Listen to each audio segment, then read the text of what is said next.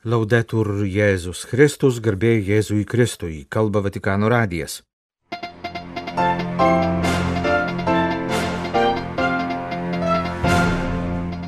Sekmadienį buvo minima pasaulinė vargstančiųjų diena.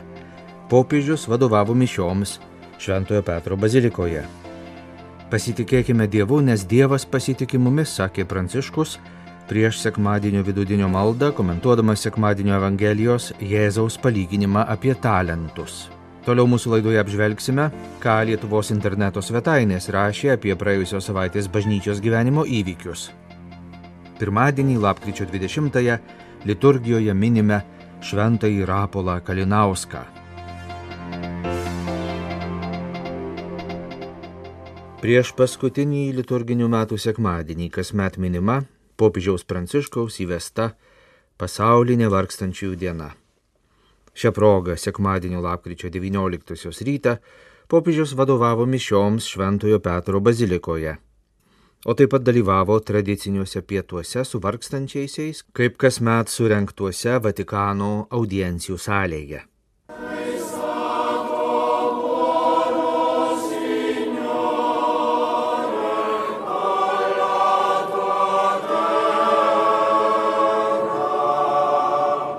Mišių Evangelijoje skambėjo Jėzaus palyginimas apie šeimininką, kuris išvykdamas į kelionę paliko trims tarnams tvarkyti savo turtą. Šis palyginimas, pasak popiežiaus, kviečia mus pamastyti apie kelionę, apie palyginime minimo šeimininko kelionę ir apie tarnų kelionę. Tai yra Jėzaus kelionė ir mūsų gyvenimo kelionė. La parabola che abbiamo ascoltato ci invita allora a soffermarci su due percorsi, il viaggio di Gesù e il viaggio della nostra vita.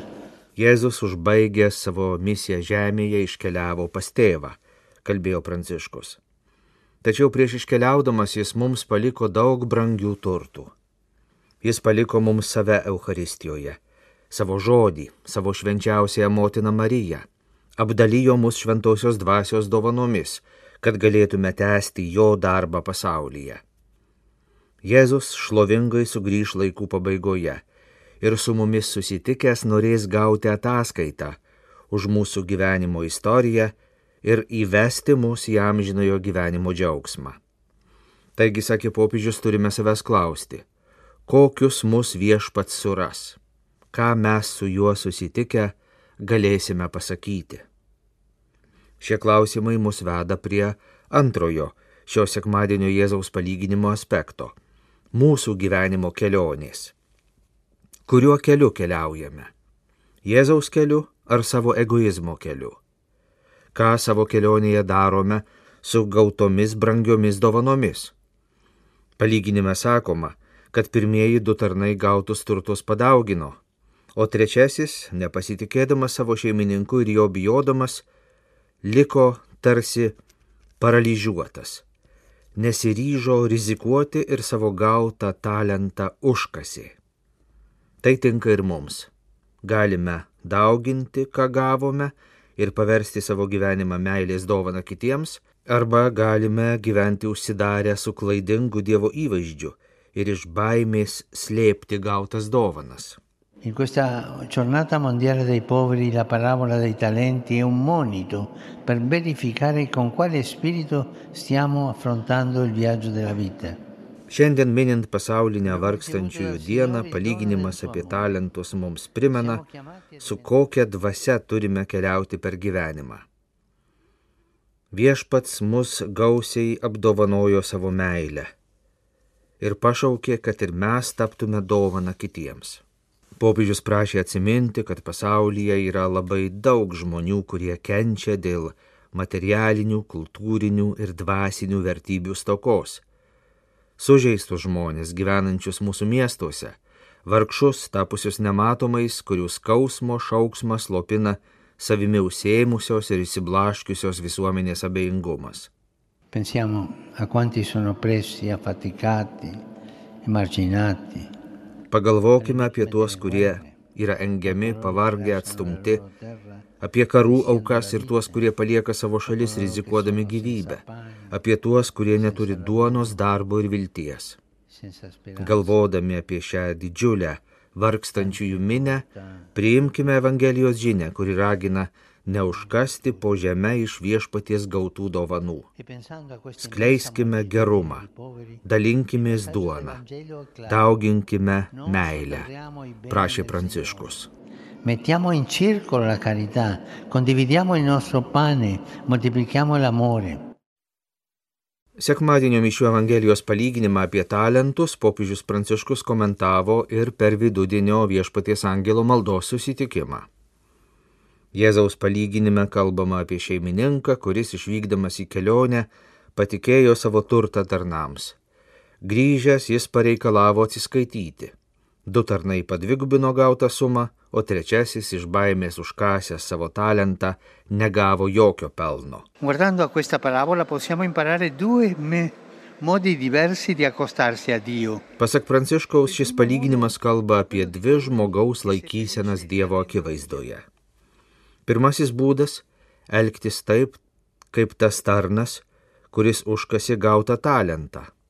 Jis nepasitikė nei šeimininku, nei savimi. Jis nemoka įvertinti pagarbos ir pasitikėjimo, o šeimininkė mato teisėją, kuris griežtai baudžia už kiekvieną nesėkmę. Taip jis supranta Dievą, jis netiki Dievo gerumu. Dėl to užsisklendžia ir nerizikuoja imtis jam skirtos misijos. Šio sekmadienio palyginime matome ir kitą būdą, kitą žmogaus santykį su Dievu.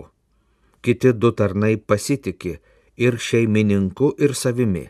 Jie investuoja viską, ką gavo, prisima riziką, turi drąsos veikti laisvai, kūrybingai. Pasak Pranciškaus, mums kiekvienam yra suteikta galimybė Dievo akivaizdoje rinktis baimę arba pasitikėjimą.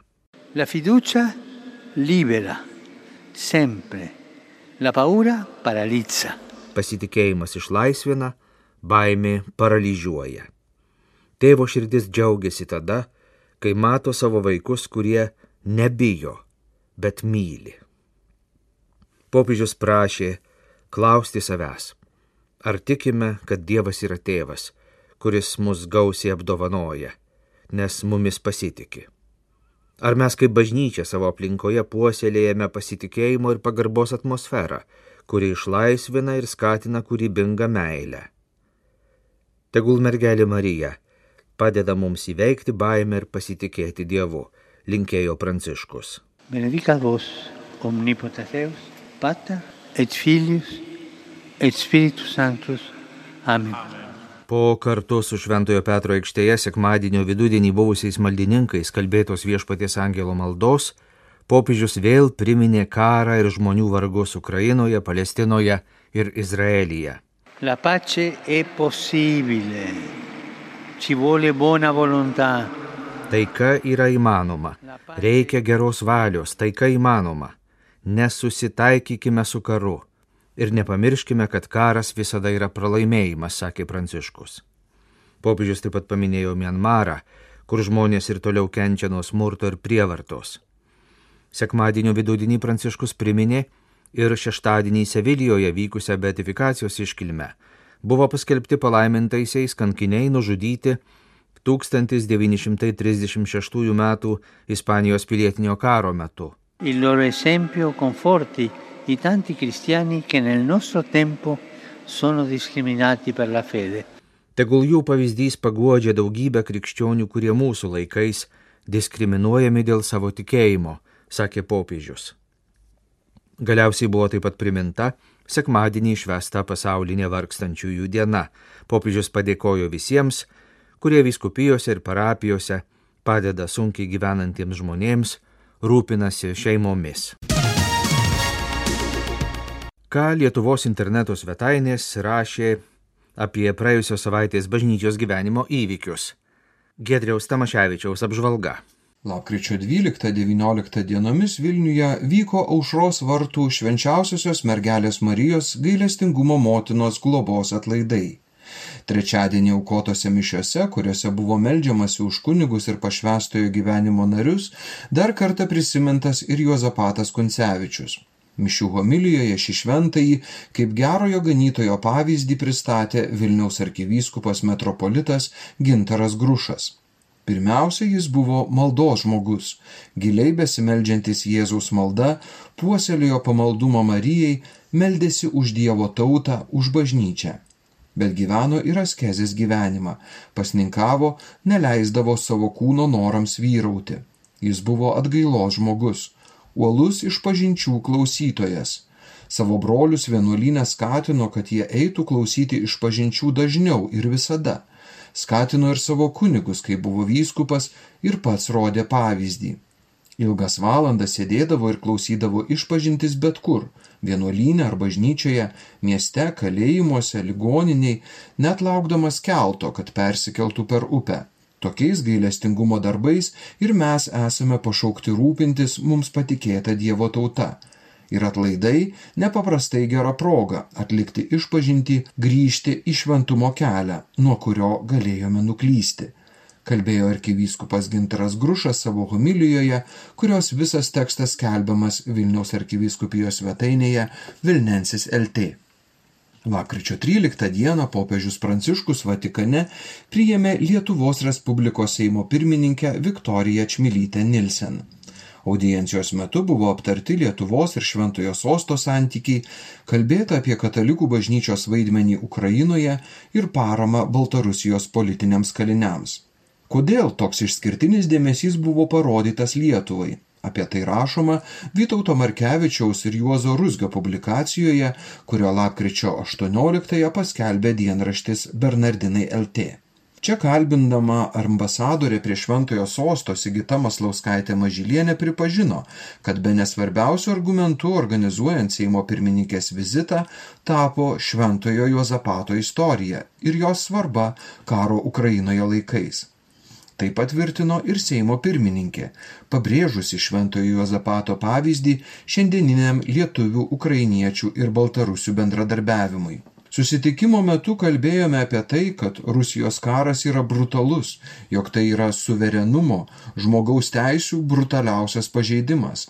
Todėl reikia imtis visų įmanomų priemonių, kad Ukrainai būtų padėta ir kad būtų pasiekta teisinga taika nes veikus mūsų stabdymas, net kuriant teisingumo, reikštų tik pauzę, kuri leistų Rusijai persigruopuoti tolesniems agresyviems veiksmams. Dienraščiui Bernardinai LT pasakojo Viktorija Čmilytė Nilsen. Dienraštyje skelbiamo pokalbio metu ambasadorė Sigita Maslauskaitė Mažylienė apibendrino ir pirmuosius savo veiklos metus Vatikane – pabrėždama, kad šalia tiesioginių kontaktų su Vatikano atstovais vienas svarbiausių jos darbų - pokalbiai su kitų valstybių pasiuntiniais prie šventojo sosto. Nuolatinės šių susitikimų temos - Rusijos karas prieš Ukrainą, priespauda Baltarusijoje, katalikų bažnyčios padėtis žmogaus teisės ir religijos išpažinimo laisvė. Vilniaus arkiviskupijos karitas informuoja apie lapkričio 16 dieną Mykolo Romerio universitete įvykusią mokslinę konferenciją Kūrybiškumas kaip priemonė ieškant sprendimų socialinio darbo situacijose. Renginio pradžioje sveikinimo žodį tarė Vilniaus arkivyskupas metropolitas Gintaras Grušas. Jis prisiminė popiežiaus pranciškaus žodžius Popiežius Pranciškus rašė, ryštas, viltis, kūrybiškumas ir drąsa tai ne sinonimai, bet ketinimų, darybių, atvirumo ir požiūrio į tikrovę jungtis, stiprinanti žmogaus sielą. Socialinio darbo pagrindas yra meilė, o meilė yra kūrybinga. Kūrybiškumas nėra tik priemonė, kūrybiškumas yra ir mūsų misija. Pasak arkivyskupo, sėkmė socialinėme darbe reiškia sugebėjimą užmėgsti gyvą santykį, padėti žmogui atrasti ir išpildyti jo tikruosius poreikius. Vilniaus arkiviskupijos karito darbuotojai konferencijoje plačiai pristatė kūrybiškumo spektrą socialinėme darbe nuo darbo su socialinės rizikos šeimose augančiais vaikais, benamiais, prieglopščio gavėjais iki skolininko teisų užtikrinimo dirbant su nuteistaisiais. Pranešėjai aptarė, kaip įgalinti žmogų spręsti problemą, kai nematyti išeities. Ir kokie metodai gali padėti užmėgsti ryšį, kai skiria kalbos barjeras. Giedrius Tamaševičius Vatikano radijui iš Vilniaus. Jūs klausotės Vatikano radijo. Šventasis Rapolas Kalinauskas iš Vilniaus kilęs basųjų karmelitų vienuolis 1863 m. sukilimo vadas Lietuvoje, Sibiro tremtinys, 1983 metais buvo iškeltas į altorių garbę. Lapkričio 20-ąją minima Šventojo Rapolo Kalinausko liturginė šventė. Beatifikacijos apieigoms Krokovoje prieš 40 metų vadovavo buvęs šios vyskupijos ganytojas popiežius šventasis Jonas Paulius II. Reikšminga, kad Rapolo Kalinausko šventumo garsas nuo vaikystės lydėjo ir būsimą popiežių šventąjį Karolį Vojtylą Joną Paulių II 1920 metais gimusi Vadovicuose pietinės Lenkijos mieste, kuriame ryškus Rapolo Kalinausko paštalavimo ir dvasingumo pėtsakai. Jis vadovicuose pastatė Šventojo Juozapo bažnyčią, įsteigė karmelitų vienuolyną, kuriam vadovavo ir naują kolegiją. Hagiografai iškelia reikšmingą Rapolo Kalinausko biografijos detalę - pamaldumą į aušros vartų Mariją Šventojo ikonografijoje karmelitų vienuolis Rapolas Kalinauskas dažniausiai rodomas kaip besimeldžiantis į aušros vartų švenčiausiąją mergelę Mariją. Vilniuje, eidamas sukilimo vadovo pareigas, kasdien nueidavęs pasimelsti į aušros vartų koplyčią. Po dešimties katurgos ir tremties metų, jau galutinai apsisprendęs pašvesti gyvenimą karmeliui, 38 metų Rapolas Kalinauskas 1874 metais be ne paskutinį kartą lankėsi Vilniuje. Galutinai amnestuotam Rapolui Kalinauskui, kaip daugeliui sukilimo dalyvių iš Lietuvos, neleista gyventi gimtojoje šalyje. Todėl jis išvyko į Lenkiją, kur po kelionių Europoje apaštalavimo Austrų-Vengrų imperijos šalyse, įskaitant Ukrainą, visą likusį gyvenimą pašventė Lenkijos karmelitų vienuolijos atsikūrimui. Palaimintojo Rapolo Kalinausko kanonizavimas 1991 metais Romoje sutapo su Lietuvos valstybingumo atkūrimu Lietuvą nuoširdžiai mylėjęs ir tėviškumą lietuviams jautriai paliudijęs Lenkas popiežius Šventasis Jonas Paulius II, kanonizavimo apieigose ragino džiūgauti dėl iš Lietuvos kilusio šventojo Rapolo Kalinausko meilės savo žemiškajai tėvyniai. Jo meilė buvo tokia didelė, kad dėl tėvynės ryžosi aukoti savo gyvybę, pažymėjo popiežius. Džiūgauki šventojo gimtasis mieste su aušros vartų Marijos šventove. Džiūgauki Vilniau, džiūgauki žemiškoji tėvo Rapolo Kalinausko tėvynė, sakė kanonizavimo apieigose popiežius šventasis Jonas Paulius II.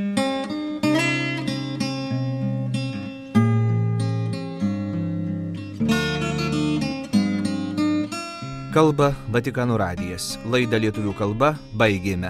Garbėjai Jėzui Kristui, laudetur Jėzus Kristus.